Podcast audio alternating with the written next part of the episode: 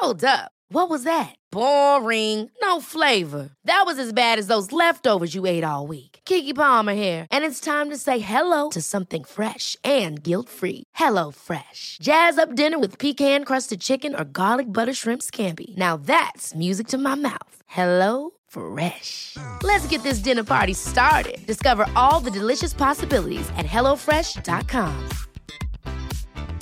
Quality sleep is essential. That's why the Sleep Number Smart Bed is designed for your ever evolving sleep needs. Need a bed that's firmer or softer on either side? Helps you sleep at a comfortable temperature? Sleep Number Smart Beds let you individualize your comfort so you sleep better together. JD Power ranks Sleep Number number 1 in customer satisfaction with mattresses purchased in-store. And now, save 50% on the Sleep Number limited edition Smart Bed for a limited time. For JD Power 2023 award information, visit jdpower.com/awards. Only at a Sleep Number store or sleepnumber.com. Hey, it's Ryan Reynolds, and I'm here with Keith, co star of my upcoming film, If, only in theaters, May 17th. Do you want to tell people the big news?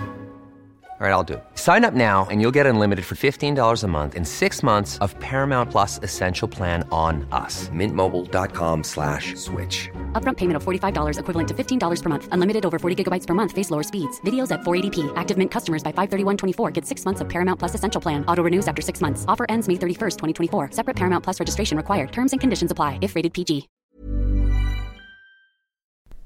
For halvannet år siden så reconnecta meg og Isabel. Vi har jo vært venninner i hva da, ti år, men hatt noen år ifra hverandre. Og så ble vi da reconnecta rett før denne podkasten her starta. Når man reconnecter med en venninne, eller at man får en venninne i voksen alder, så er det ofte at man ser på forskjeller. sant? Og en av forskjellene jeg så så vanvittig tydelig mellom meg og Isabel, det var at hun følte alt sammen så mye. Hver gang det kom en god nyhet, så var det pow, pow, hoppe, arm i været, yes! Masse følelse. Mens jeg satt liksom helt rolig og bare Ja, det ble gøy. Og i motsatt tilfelle, dersom noe var sårt, så var det så sårt, og Isabel hadde et kjempebehov for å føle alle følelsene, og mye, det er pustebevegelse, og det er bevegelse, og det er mye. Mens jeg satt der og bare Ja, føler jo det vibrerer i hele kroppen min, men vet ikke helt hva jeg skal gjøre. Og i starten, før meg og Isabelle begynte å snakke om dette, her, så følte jeg at det var noe galt med meg. Jeg følte at jeg ikke følte tydelig nok. Jeg følte ikke sterk nok. Jeg følte ikke virkelig nok. Og lenge så tenkte jeg er det bare meg som må komme mer i kontakt med mine følelser? Så lagde jeg en liten teori. Fordi jeg begynte å analysere hvordan mennesker rundt meg føler. Og jeg så at det var mange som følte sånn som meg, og det var mange som følte sånn som Isabel. Tenkte jeg, hva hvis det bare finnes to typer følere. Noen føler eksplosivt. Det er pow, yes! Og noen føler helt rolig. Det er bare sånn en indre bølge av velvære som bare yes. Da meg og Isabel signerte bokkontrakt for et år siden på boka som du nå kan forhåndskjøpe, som heter 'Bedre på livet'. Du vil finne den Det er jo den nye bestselgeren tør jeg påstå å si. Jeg manifesterer nå. Boka er ikke ute i salg ennå, men du vil finne den i alle bokhandler overalt eh, der som bøker selges. Eh, Bedre på livet heter den. Da vi skrev bokkontrakt på denne her for et års tid siden, så ringte jeg Isabel, og da var det også tydelig. Isabel rista på hodet, hun hoppa opp og ned med meg på FaceTime mens jeg sto helt stille og stødig og fortalte henne at vi har fått bokkontrakt. Jeg kjente en vanvittig bølge av glede, men jeg hadde ingen behov for å uttrykke det. Så tilbake til den teorien min, da, etter analysert mennesket i en ganske god tid, så ser jeg da at noen sier pow pow, andre står helt stille. Så hva hvis vi bare er to typer følgere? Vi er eksplosive følgere, og vi er sensitive følgere. Begge partene føler like mye, vi har bare forskjellige måter å uttrykke det på. Da jeg på en måte landa i denne teorien min, så serverte jeg den til Isabel, og hun var jo helt enig og begynte å se det sjøl i mennesket rundt henne. Og sånn som det føltes for meg, så var det nesten som å få en diagnose. Det var nesten som å, å få en liten sånn en Her, sånn er du som menneske, det er helt ok. Så det jeg har hatt så mye komplekser for, rett og slett at jeg har følt for lite, det, var, det, det hadde jeg ikke lenger. Plutselig så skjønte jeg bare at ok, jeg er bare sånn som jeg er. Jeg er en sensitiv føler. Jeg føler veldig mye inni meg. Og på den morsomme sida, jeg har jo følt meg for lite. Da jeg delte dette med Isabel, så delte hun med meg at hun har alltid følt at hun føler for mye. At hun er altfor mye, at hun må dempe seg. Så i denne teorien så ble vi bare enige begge to om at hun skal ikke dempe seg, og jeg skal ikke prøve å bli mer. Vi er bare sensitive eller eksplosive følere. Denne teorien har vi delt i boka vår 'Bedre på livet', som du kan eh, lese og gå mer inn på for å finne ut hvordan er du. Er du en eksplosiv føler, eller er du en sensitiv føler? Boka heter altså 'Bedre på livet'. Finnes der som bøker selges. Og i denne episoden så skal vi snakke akkurat litt om dette konseptet. Det å føle eksplosivt, eller det å føle sensitivt.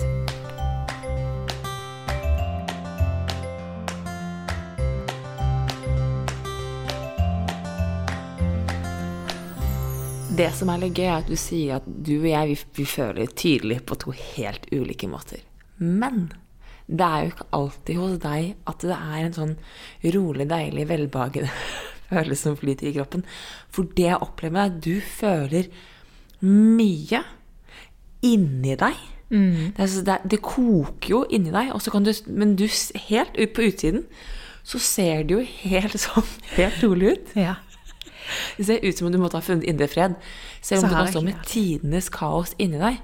Mens jeg har jo et helt annet behov for å, for å liksom vise den følelsen. Den klarer ikke jeg å skjule. Altså, jeg har verdens dårligste pokerfjes. Jeg klarer ikke å holde meg. Så jeg sprekker jo som en sånn dynamitt. Mens jeg tror opplevelsen av følelsene for begge to er ganske like, men som sier uttrykket Ja. Måten vi uttrykker, har behov for å uttrykke det på, er veldig, veldig forskjellig. Min PT, hun, når hun trener folk, så trener hun jo Det er handler jo ikke om at du skal gjøre tolv sett, så er du ferdig. Noen ganger så må du se eh, pasienten, skulle jeg til å si, eh, klienten an, og se når er det hun når sin maks og ikke. Hun har sagt det til meg så mange ganger at det er nesten umulig for, meg, for hun å se når jeg har nådd min maks, fordi jeg er helt rolig når jeg har det så vondt inni meg. Og det sekundet hun sier ferdig, så knekker jeg bare Oh my God! Oh my God! Nå dør jeg, liksom. Og hun bare Hæ? Kunne ikke se det på deg i det hele tatt. For det er jo det, enten så har jeg veldig gode følelser som bare er indre ro, eller så har jeg fullstendig kaos og indre ro, eller så har jeg en overveldende sorg som bare stille kom ut i en tåreflom hos meg, uten at jeg gjør så mye mer ut av det. Ja. Og det som det er så fascinerende, er jo det faktum at jeg har liksom et par klienter hvor jeg, jeg har delt denne Jeg elsker teorien din. Og jeg tror at det finnes helt sikkert flere før enn to, men vi har kommet frem til to så langt. Liksom, er teorien vil helt sikkert være i utvikling, men per dags dato så er det to grupper. Men det som er interessant, er at jeg har delt med flere av mine klienter, og de kjenner seg igjen, spesielt de der de sensitive, som ikke føler så mye, og som kan bli Eller de, de, de føler mye, men inni seg. Og det kan bli veldig skummelt for de med oss som er så veldig eksplosive. Fordi at man kjenner på at det- Men burde jeg vært sånn? Eller burde jeg ikke vært sånn? Og det for deg Nå må du arrestere meg, men jeg kan bare se for meg at det for deg jeg får beskjed om at du er for lite. Når det føles så mye inni altså Følelsen inni deg er jo Det har du alltid sagt til meg. Isabel, den er dødssterk. Du ser det ikke. Men fy fader, den røsker takk. Og det for du er for lite, så bare For lite. Skal jeg føle mer enn det? Skal jeg skru opp enda Hvordan er det mulig? Ja, for du er jo på maks inni det. Så får du høre da enten at 'Kom an, er det noe fytt i deg?' eller 'Hallo, er du ikke glad?' eller eh, 'Er ikke du su sur på dette her?' Så jeg bare Jo, jeg er både glad, det er fytt i meg, og jeg er sur på dette her, men jeg, vet ikke hvordan jeg skal få det ut i fysiske bevegelser. Så jeg har jo prøvd noen ganger og bare tenkt ok, nå skal jeg jo liksom løfte hendene og woohoo, men det, bare, det, det er ikke meg. Jeg er den som sitter helt stille og bare yeah. Og for meg, det å skulle sitte helt stille Det for meg å skulle sitte helt stille når jeg aller mest har lyst til å eksplodere, er noe av det vondeste du kan be meg å gjøre. Det føles som at jeg blir kvelt. Altså, det er nesten som å se for at du skal putte en person inn i en boks, og bare 'her skal du leve'. Mm. Jeg har sett liksom sånn supermye mennesker som kan liksom klare å plassere seg inni en koffert. Det er sånn det føles for meg. Ja. Det kan jeg, for der å be dem å sitte stille, det er litt sånn som å be en treåring sitte stille på 17. mai etter seks stykk iskrem. Altså hele kroppen, kroppen kribler, det går ikke. Men det, hvis man går bort ifra hva slags personlighetstype man er, om man er eksplosiv eller sensitiv føler, så er det én ting vi har til felles, og det er jo det at uavhengig av hvor, hva du føler, så er det det beste for kroppen å faktisk være i bevegelse. Så for deg så kommer det jo veldig naturlig, for kroppen din sier til deg løp, hopp, beveg deg, gjør noe, beveg disse følelsene ut av deg. Min kropp sier til meg gjem deg. Og sånn. Så jeg oppdaget jo først i 2022, da jeg ble, eh, ble kasta inn i en sånn kjempeangstfremkallende situasjon, hvor altså, det var så vondt at på et tidspunkt så klarte jeg ikke å stå oppreist, jeg bare falt. altså Beina mine kunne ikke holde meg. Og da hadde jeg jo eh, ingen behov for å bevege meg, men jeg visste at dette her kan hjelpe. Og det er første gang jeg har Da begynte jeg jo å løpe og gå lange turer. Det er første gang jeg har kjent på hvor mye det hjelper å være i bevegelse. Så jeg er veldig misunnelig i tegn på at ditt automatiske, altså ditt nervesystem automatisk sender deg i bevegelse for å håndtere den følelsen, mens jeg må komme i kontakt med mitt nervesystem for å forstå at det å bevege meg nå er det beste. Så for oss som er veldig sånn innvendige følere, hvor det er mye som raser på innsida mens vi står stille på utsida, vi må kanskje jobbe litt mer med disiplin for å bare komme oss i bevegelse, for det er jo ikke sunt for kroppen å sitte stille når man har mye, mye følelse. Men her er jo, det her er jo du jeg snakket om, og det er begge, både du og jeg, sliter jo med uttrykk også innimellom. Når følelsen blir for sterk, så vil jeg bare løpe fra den. Ja. Du gjemmer deg. Altså Hvis du går tilbake til nervesystemet, det sympatiske nervesystemet, så er det jo flukt, um, freeze Altså det er flight, fear, flight, freeze og fight. Du gjemmer deg jo, da i flight. Men det gjør jeg òg. Jeg bare løper fra følelsen. Ah. For jeg er bare sånn Hvis jeg kan Hvis jeg kan ta på joggesko og løpe, da kan jeg kjenne på, på opplevelsen av å løpe fra følelsen. Å wow, når jeg løper, så løper jeg med følelsen. Jo, det kan jeg også gjøre, og det gjør jeg ofte, men da må jeg selv koble på. Ah. Den påkoblingen skjer ikke automatisk hos meg. Jeg må fortsatt tørre å være i følelsen, skal jeg kunne føle den. Jeg kan bare bruke den energien kroppen min har fått, til å stikke av. Og det har jeg gjort mye. Så da har jeg, jo vi hadde jo en hendelse her for ikke så veldig mange uker siden, hvor jeg kjente på mye og var på løpetur. Og vi har pleid å si at em, jeg løper jo med deg i tankene. Ja, vi har samtale liksom- på, altså med hverandre uten å være i kontakt med hverandre på hver våre løpeturer. Ja, og så er det så gøy, for vi tror at den andre personen da plukker det opp. Altså, ja, men hallo, vi har snakket om det her. Bare, nei, sorry, jeg snakket med liksom fantasi-Belinda. Ja. Eller energi-Belinda. Jeg har snakket aldri med liksom fysiske Belinda om det. Men da kjente jeg på et punkt at ok, nå er jeg på løpetur. Hvis jeg er i mitt element. Jeg føler mye. Men jeg har behov for å uttrykke meg. Og da ringte jeg deg jo. Og det er jo første gang, tror jeg, jeg tillater meg selv i å faktisk Jeg skjønte at jeg, nå trenger jeg hjelp til å fortsatt stikke litt hull på den boblen, men for meg er det tryggere å gjøre det i løpeform. Ga det mening? Det ga kjempemye mening. Du stoppa opp, og så tok du følelsen der, og så ringte du i følelsen. Mens veldig mange av oss venter til følelsen har gitt seg. For det er lettere å snakke om det i retrospekt enn å ta, det, ta tyren med hornet, da. Men det som er Og det er noe av det skumleste jeg har gjort. Og det er så ironisk, for du og jeg har jo et sånt, sånt tyrkerselskap. Som jeg tenker har, sånn- vi er ganske solide i bunn, da, tenker jeg. Og vi er veldig åpne og ærlige med, med hvor vi er. Og jeg opplever at jeg kjenner Du må gjerne arrestere meg nå, men jeg kjenner liksom litt, litt sånn emosjonell landskap ganske greit. Allikevel så var det pissskummelt å skulle ta den telefonen og ringe. Og Og det, det mange, handler ikke om deg, men det handler om det for meg å uttrykke det. mange tenker det at hvis du er interessert i livsmestring eller flink i livsmestring, så har du aldri issues. Eh, Men sannheten er jo at det er jo bare Vi har bare, vi har bare tilgang til verktøy, men vi må jo fortsatt åpne den verktøykassa og faktisk ta det imot og ta det i bruk. Og det til tider er kjempevanskelig. Og det å ta følelsen der og da, og invitere andre inn i noe som er veldig sårt, det er utrolig krevende. Og det har jo jeg òg, og det vet jo du etter de ti-åtte årene vi har vært venner, at det er kjempe, kjempevanskelig for meg òg å invitere noen inn når det er vondt.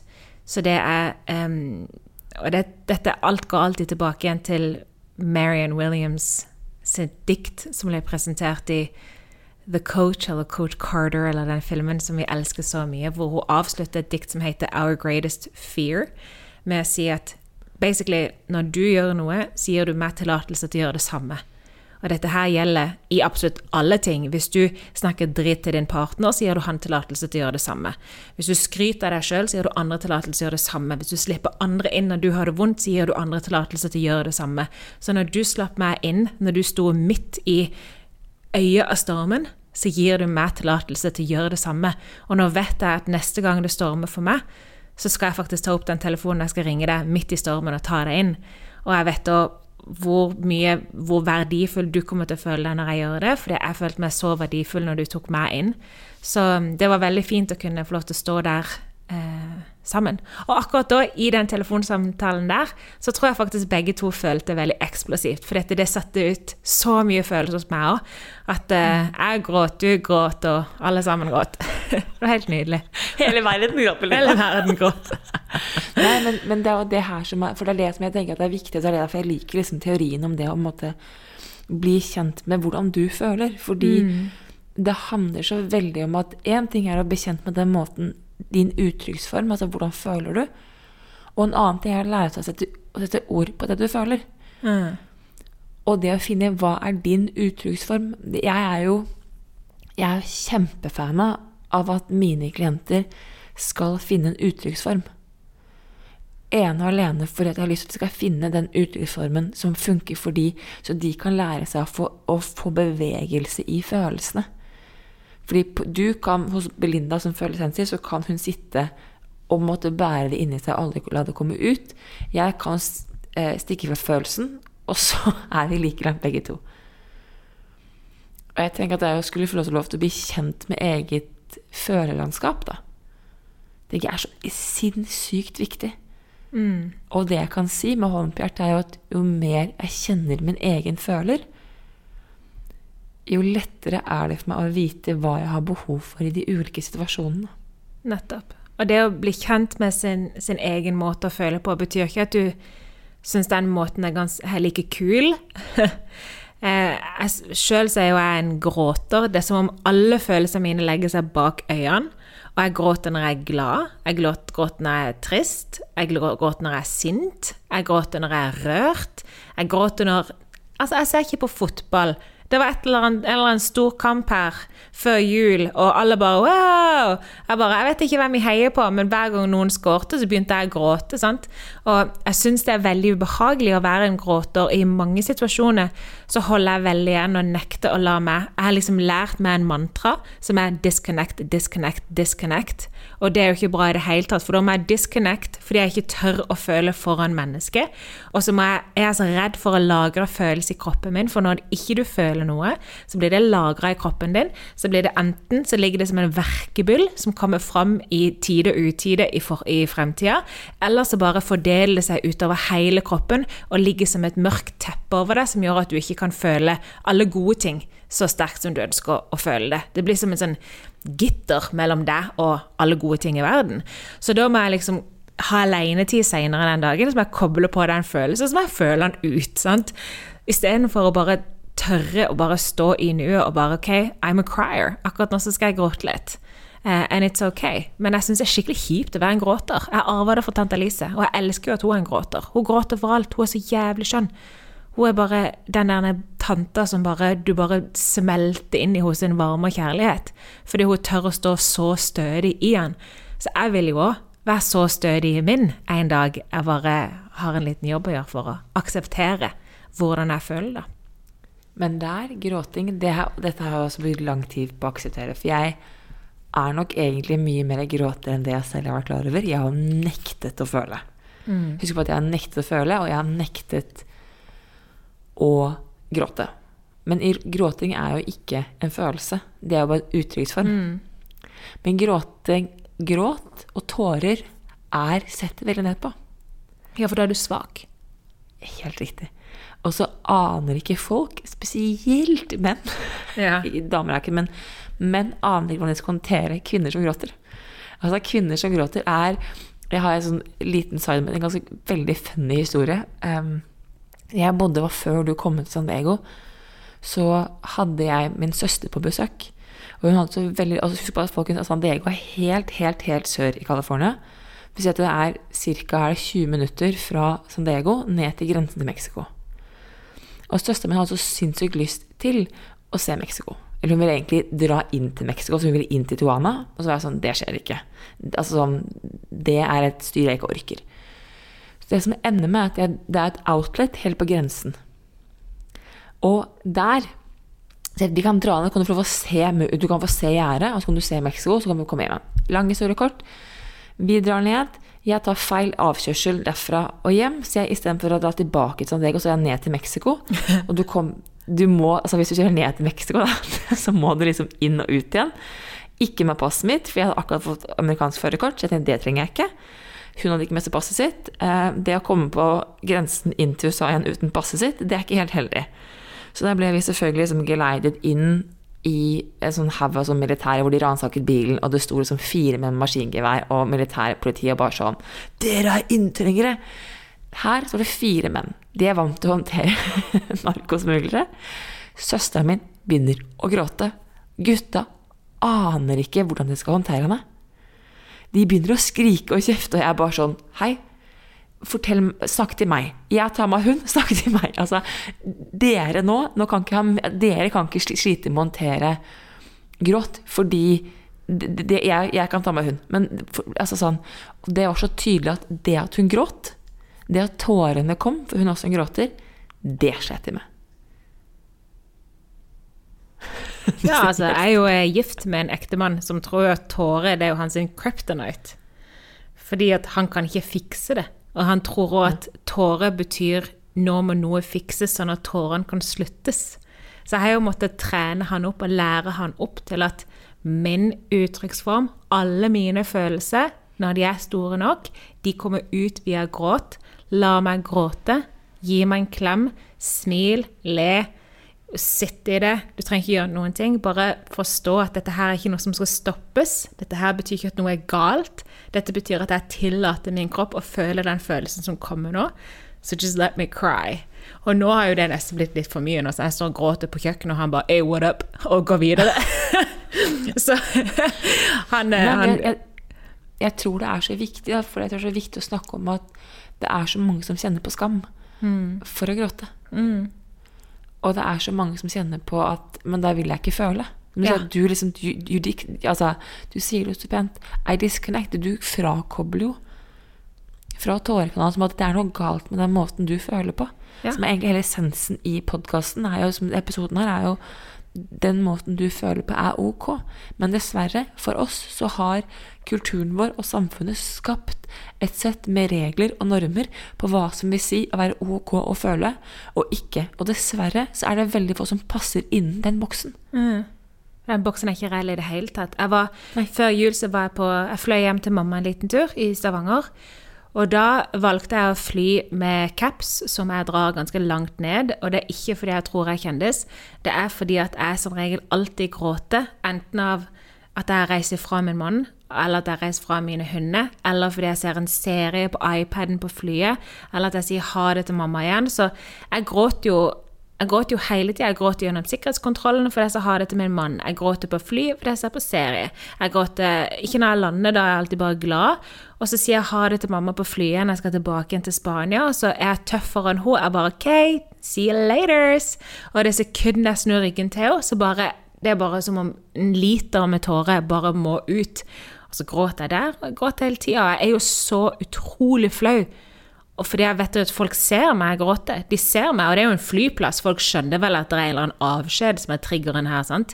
Eller hvis jeg sitter foran iPaden, så skjønner jo folk at nå ser jeg på noe som fremkaller disse følelsene. Men jeg er fortsatt så flau over å gråte. Og det, jeg har jo måttet lære meg å gråte, så jeg mm. må gå på tur når jeg gråter. Ja. Og da gjør jeg som når jeg går med caps. Mm. Jeg, ellers så går jeg med solbriller. Mm. Og altså, tårene triller ned, og så innimellom så har jeg glemt, glemt enten caps eller solbriller. Og så har jeg tenkt sånn Fader, nå må jeg gråte. Så jeg er sånn, ok, for bare, Og folk ser jo, så jeg bare sånn Ja, men det er for de håndtere. Jeg bare later som det kommer et annet øye. Allergi. Ja, pollenallergi midt på vinteren. Jævla pollen. Men jeg tenker at det er liksom jeg tror, Som du sier, da, som, hvis du går tilbake også til liksom, diktet til hun Marianne Wilhelmsen, er at det at du tør å gråte offentlig, gir andre mennesker tillatelse til å gjøre det samme. Det at man kan tørre å ta mer eierskap til den måten man føler på, gir også andre mennesker mer tillatelse til å gjøre det samme. Og jeg tror det er så viktig, da. At vi, det er flere av oss som er ja, ok, men så er vi en gråter. Og så er det på en måte Det er ikke alltid det er like gøy å gråte. Og det skjønner jeg. Men det er en del av måten vi føler på. Og jeg tror at det å kjefte på oss selv når, når det skjer, altså når følelsen kommer, du kjenner ikke, okay, nå kommer tårene, og da begynner jeg å kjefte som fy faen, skjerp deg, skjerp deg, skjerp deg. skjerp deg. Jeg tror det er mer vondt enn det er å la de få lov å komme ut. For Hvis vi skal tenke på et sammensurium med alle episodene som har vært av Becoming, og boka vår, så handler jo livet, eller vår reise, handler jo om at vi skal være nesten en forelder til oss sjøl. Så hvis du ikke hadde likt at din forelder hadde sagt til deg 'skjerp deg' når du viser en følelse, så skal du i hvert fall ikke si det til deg sjøl. Og hvis du går tilbake ikke så veldig mange episoder til episoden som handler om å hengi seg sjøl til seg sjøl, så må jeg tenke at jo mer meg jeg kan være, jo mer autentisk jeg kan være, jo mer jeg kan tillate meg å være den jeg er, jo bedre er jeg for andre. Så da må man sitte der på flyplassen og gråte, da. Så får man stå i den krangelen og stå helt stille når noe bra skjer og alle andre rundt deg hopper. Og sitte stille når alle andre danser. Eller motsatt for deg, da. Danse når alle andre sitter stille. Det er eh, i forrige I en episode som kom for ja, to uker siden, så hadde jeg en episode med psykologen Geir. Og vi snakker om konseptet, eller han litt inn på det, om det å tåle seg selv. Det å kunne lære seg til å Og jeg, det uttrykket, det elsker jeg. Ja. For det har jeg begynt å jobbe med. Det å tåle meg selv. Jeg må tåle hele meg. Jeg må tåle at jeg er en eksplosiv føler, på den måten som jeg også tillater meg selv å føle eksplosivt. Når jeg gjør det, da tåler jeg meg selv. Du Det ser helt. Nei, det gir så mye mening, for det er jo dette med at jo mer du du kan være, jo mer autentisk du kan være, jo mer i aksept du kan være over det mennesket du er, jo mer du kan gå forbi det første laget av følelser som på en måte guider deg til å holde kjeft, sitte stille, reise deg, oppføre deg, og gå forbi det laget og ned til det dype laget som sier 'Hvem er jeg, og hva har jeg egentlig behov for her og nå?' Og det å ta kontakt i den, og hylle den versjonen av deg sjøl, i alle settinger. I hva vil du ha å spise, hva har du lyst til i dag, hvordan vil du trene, hvordan går det på jobb? Det å hele tida gå forbi den første, det første laget og ned i dypet. Og det å kunne klare å tåle sin historie. Det å tørre å våge å eie fullt sin historie fullt og helt.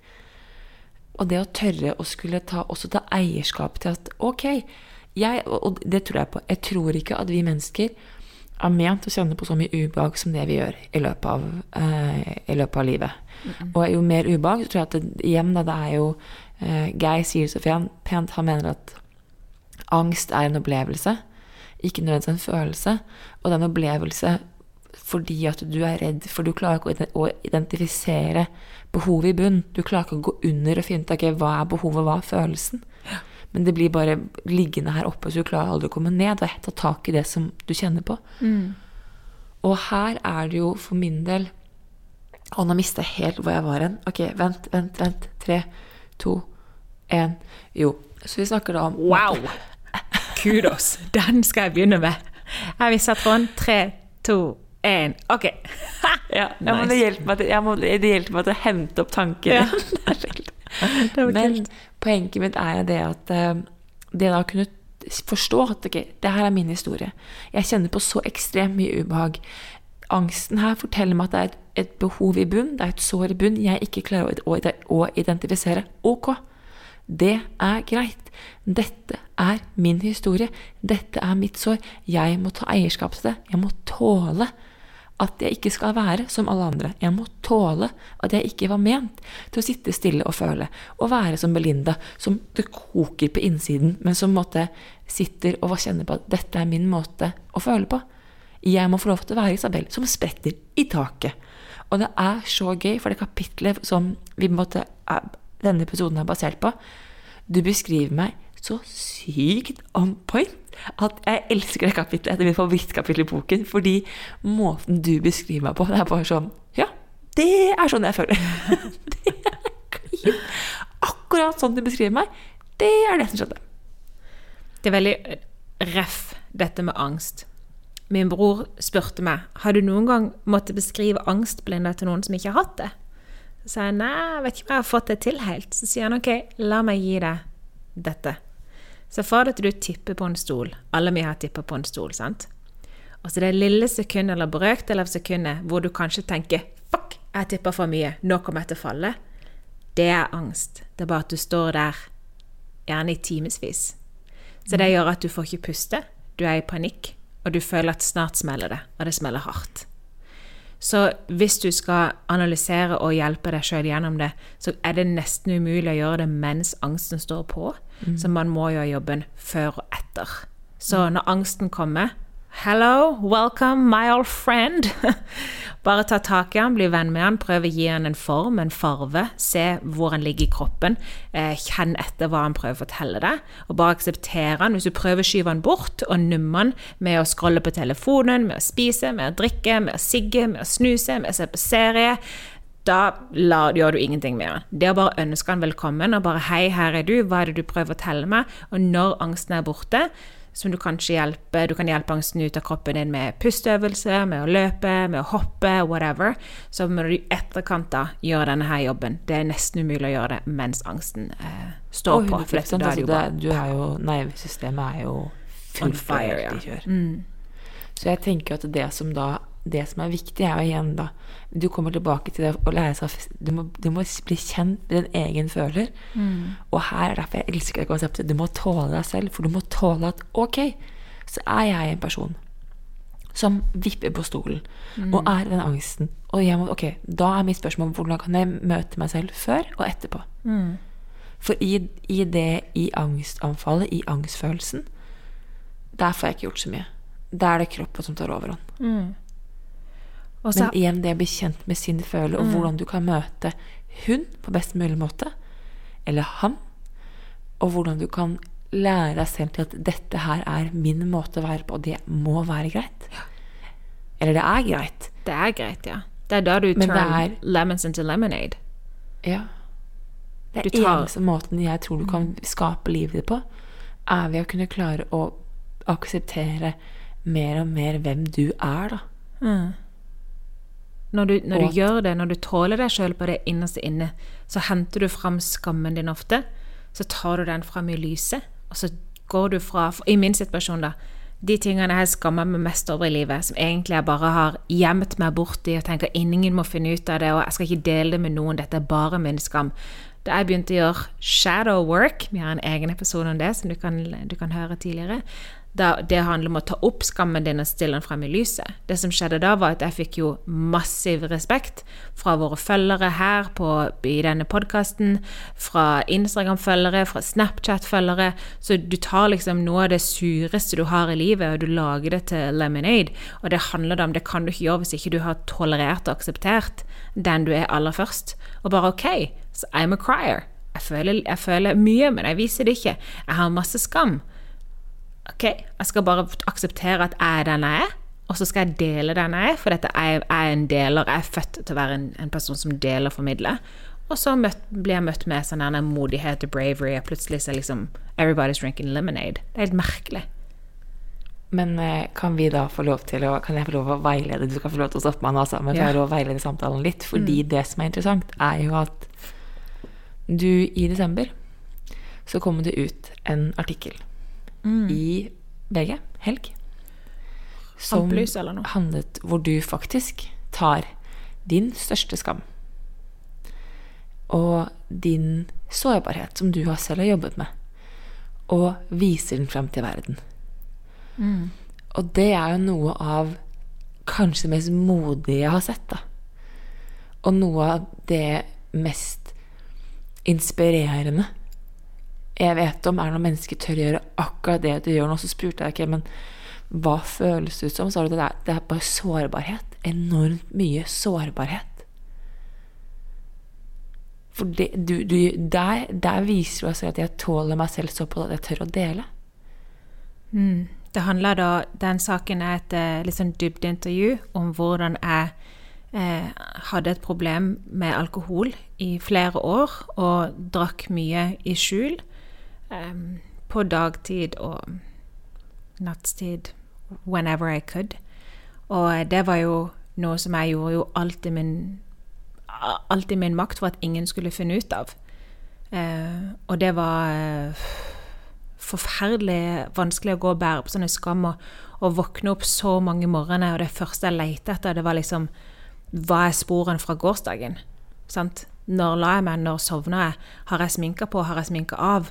Har jeg liksom sovna på sofaen? Hva skjedde? Det har alltid måttet retrace your steps fra dagen før over så mange år. Um, og det er jo noe jeg har uh, Ja, altså Jeg skammer meg, skammer meg så, så, så sinnssykt. Uh, og det som skjer, er at når man velger å dele en sånn ting, så skjer det jo mellom deg og et annet menneske.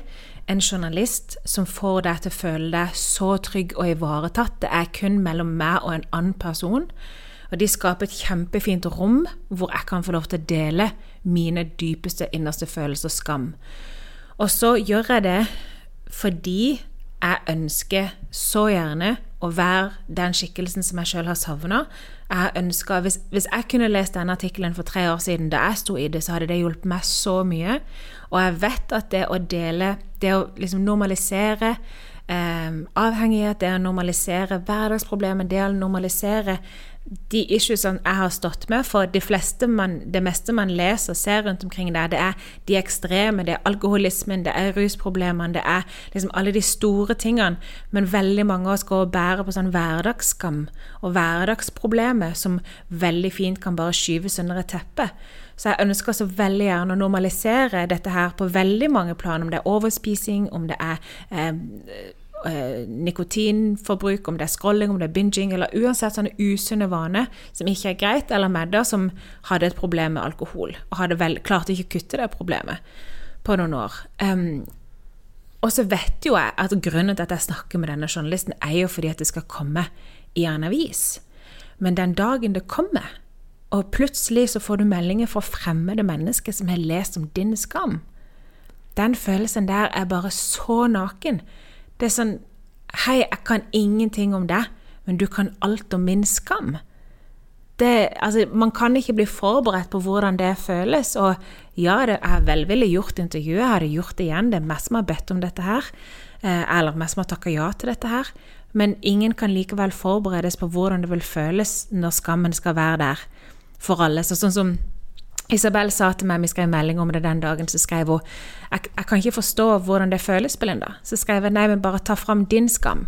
Hent fram din største skam, som du håper at ingen skal, skal Det som du ikke vil at skal bli snakka om i et familieselskap, for å si det sånn.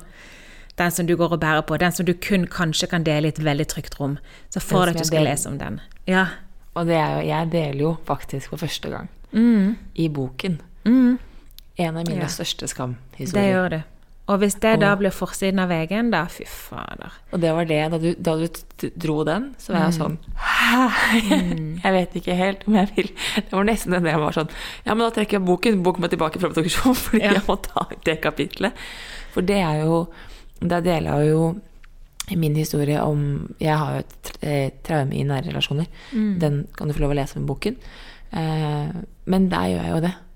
Og det var det jeg var og, det, og det var sånn Dette her, hvis det er det som skjer med meg, så er det bare tenker jeg bare, ok, Men nå gjør Belinda det først. Ja. Så ser jeg måte hvordan Belinda gjør det, og så kan jeg klare å halvveis ja, Kanskje ikke tenke meg til det, men Og det er samme om du deler eh, din skam i nær relasjon, og, og du da skal inn på første middag med familien i etterkant, eller med venninne, og du skal inn på første fest med de i etterkant, eller med mannen din, eller uansett, det å dele din skam, og at andre vet om han, det er så viktig, og det er så riktig, og det er så fint å normalisere det, og det fjerner så mye byrde fra dine skuldre, men det betyr ikke at ikke det er ubehagelig as fuck.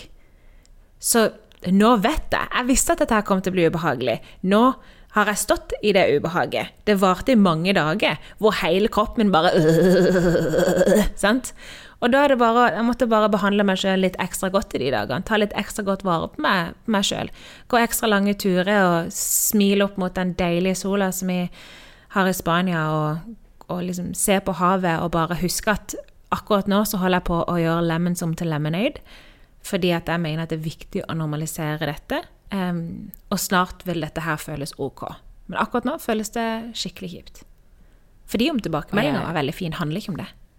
Det handler om at veldig mange vet om min skam. Så yes. Så da følte jeg veldig rolig. Jeg hadde noen filma meg de dagene der, så hadde du bare sett en rolig frøken som tusler rundt og legger eyeliner og drikker te og feier litt på balkongen, mens inni så er det bare sånn her Så. Det er litt interessant, for jeg har begynt å lære ditt, liksom, ditt språk og måten du kommuniserer på, så nå kan jeg begynne å se det litt. Ja. Men det, er, men det tar bare lang tid å forstå hvor du er hen. Ja. Lang tid. ja. Veldig vittig. De som virkelig kjenner meg, eh, de kan til og med se på en sånn vanlig Instagram. Eh, så kan de se liksom at Oh God, du sliter! Mens jeg egentlig bare snakker om planter. Så ja, når man blir kjent med å se det, så kan man se det. Men det er ikke, det er ikke veldig lett, nei. Jeg tenker at det er her så er det bare husk på folk at det er helt ok å gjøre ting på din måte. Ja. Ikke at du skal dele for at du går på forsiden av VG, men um, eller Dagbladet for den saks skyld, men, men at du faktisk bare skal få lov til å være deg da, i din føleprosess. Og det å tørre å enten føle sensitivt eller tåle at du føler eksplosivt, tenker jeg er så sinnssykt viktig. Og Det så gir det deg tillatelse til bare å være det. Og så gir det deg tillatelse til å la de rundt deg være de er. Mange av dere som hører, har kanskje barn. Der noen av de er veldig sensitive, og noen av de er veldig eksplosive. Det å bare la de. Jeg trenger ikke si 'nå må du roe deg', eller 'hallo, ble ikke du glad'? Sant? Men bare det å se 'oi, her har jeg en liten eksplosiv føler', eller 'her løper det rundt en liten sensitiv føler', og at det er helt greit. At det er helt fint når du ser venner, partnere, familiemedlemmer. Jeg har jo flere i familien min som er eksplosive følere. Og eh, gitt om jeg skal hylle de i sin eh, følsomhet, altså Jeg elsker det. Jeg har flere venninner. Jeg har egentlig omringa eksplosive følere. Min mann er sensitiv. Det er litt gøy, for du sa til meg en dag um, Isabel, du føler ikke eksplosivt. Jeg, jeg har ventet på at det sånn du, For du, du delte et eller annet, og så var- manglet du reaksjon fra meg. Ja. Eh, og da tok du den at Men nå er ikke du deg. ja. Hallo, hvor er eksplosjonen her? For Ja. nå Ja. For du, hadde, hadde du vært liksom i balanse, hadde du tillatt deg selv å være deg, Mm. så hadde du sprunget opp i altså, Du hadde hoppet opp i taket, da.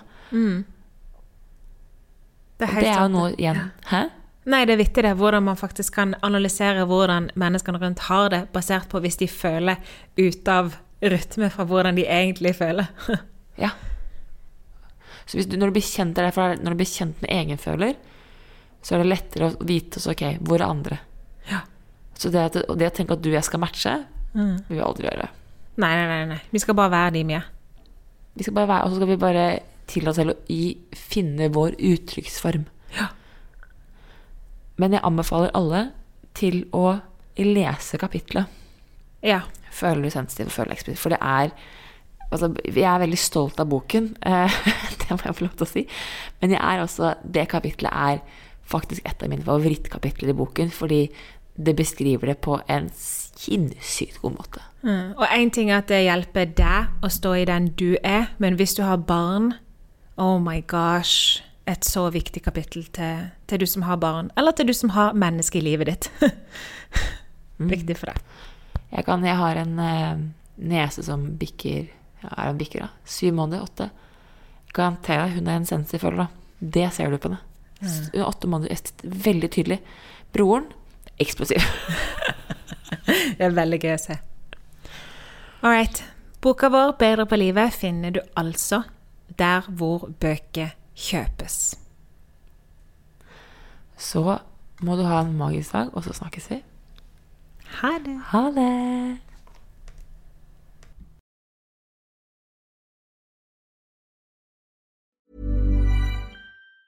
Ever catch yourself eating the same flavorless dinner three days in a row? Dreaming of something better? Well, HelloFresh is your guilt free dream come true, baby. It's me, Kiki Palmer. Let's wake up those taste buds with hot, juicy pecan crusted chicken or garlic butter shrimp scampi. Mm. Hello Fresh. Stop dreaming of all the delicious possibilities and dig in at HelloFresh.com. Let's get this dinner party started. Planning for your next trip? Elevate your travel style with Quince. Quince has all the jet setting essentials you'll want for your next getaway, like European linen, premium luggage options, buttery soft Italian leather bags, and so much more. And is all priced at 50 to 80% less than similar brands. Plus, Quince only works with factories that use safe and ethical manufacturing practices. Pack your bags with high-quality essentials you'll be wearing for vacations to come with Quince. Go to quince.com/pack for free shipping and 365-day returns. Mom deserves the best, and there's no better place to shop for Mother's Day than Whole Foods Market. They're your destination for unbeatable savings, from premium gifts to show-stopping flowers and irresistible desserts. Start by saving 33% with Prime on all body care and candles. Then get a 15-stem bunch of tulips for just $9.99 each with Prime. Round out Mom's menu with festive rosé, irresistible berry chantilly cake, and more special treats. Come celebrate Mother's Day at Whole Foods Market. Imagine the softest sheets you've ever felt. Now imagine them getting even softer over time. That's what you'll feel with Bowl and Branch's organic cotton sheets. In a recent customer survey, 96% replied that Bowl and Branch sheets get softer with every wash. Start getting your best night's sleep in these sheets that get softer and softer for years to come. Try their sheets with a 30-night guarantee. Plus, get 15% off your first order at bowlandbranch.com. Code BUTTERY. Exclusions apply. See site for details.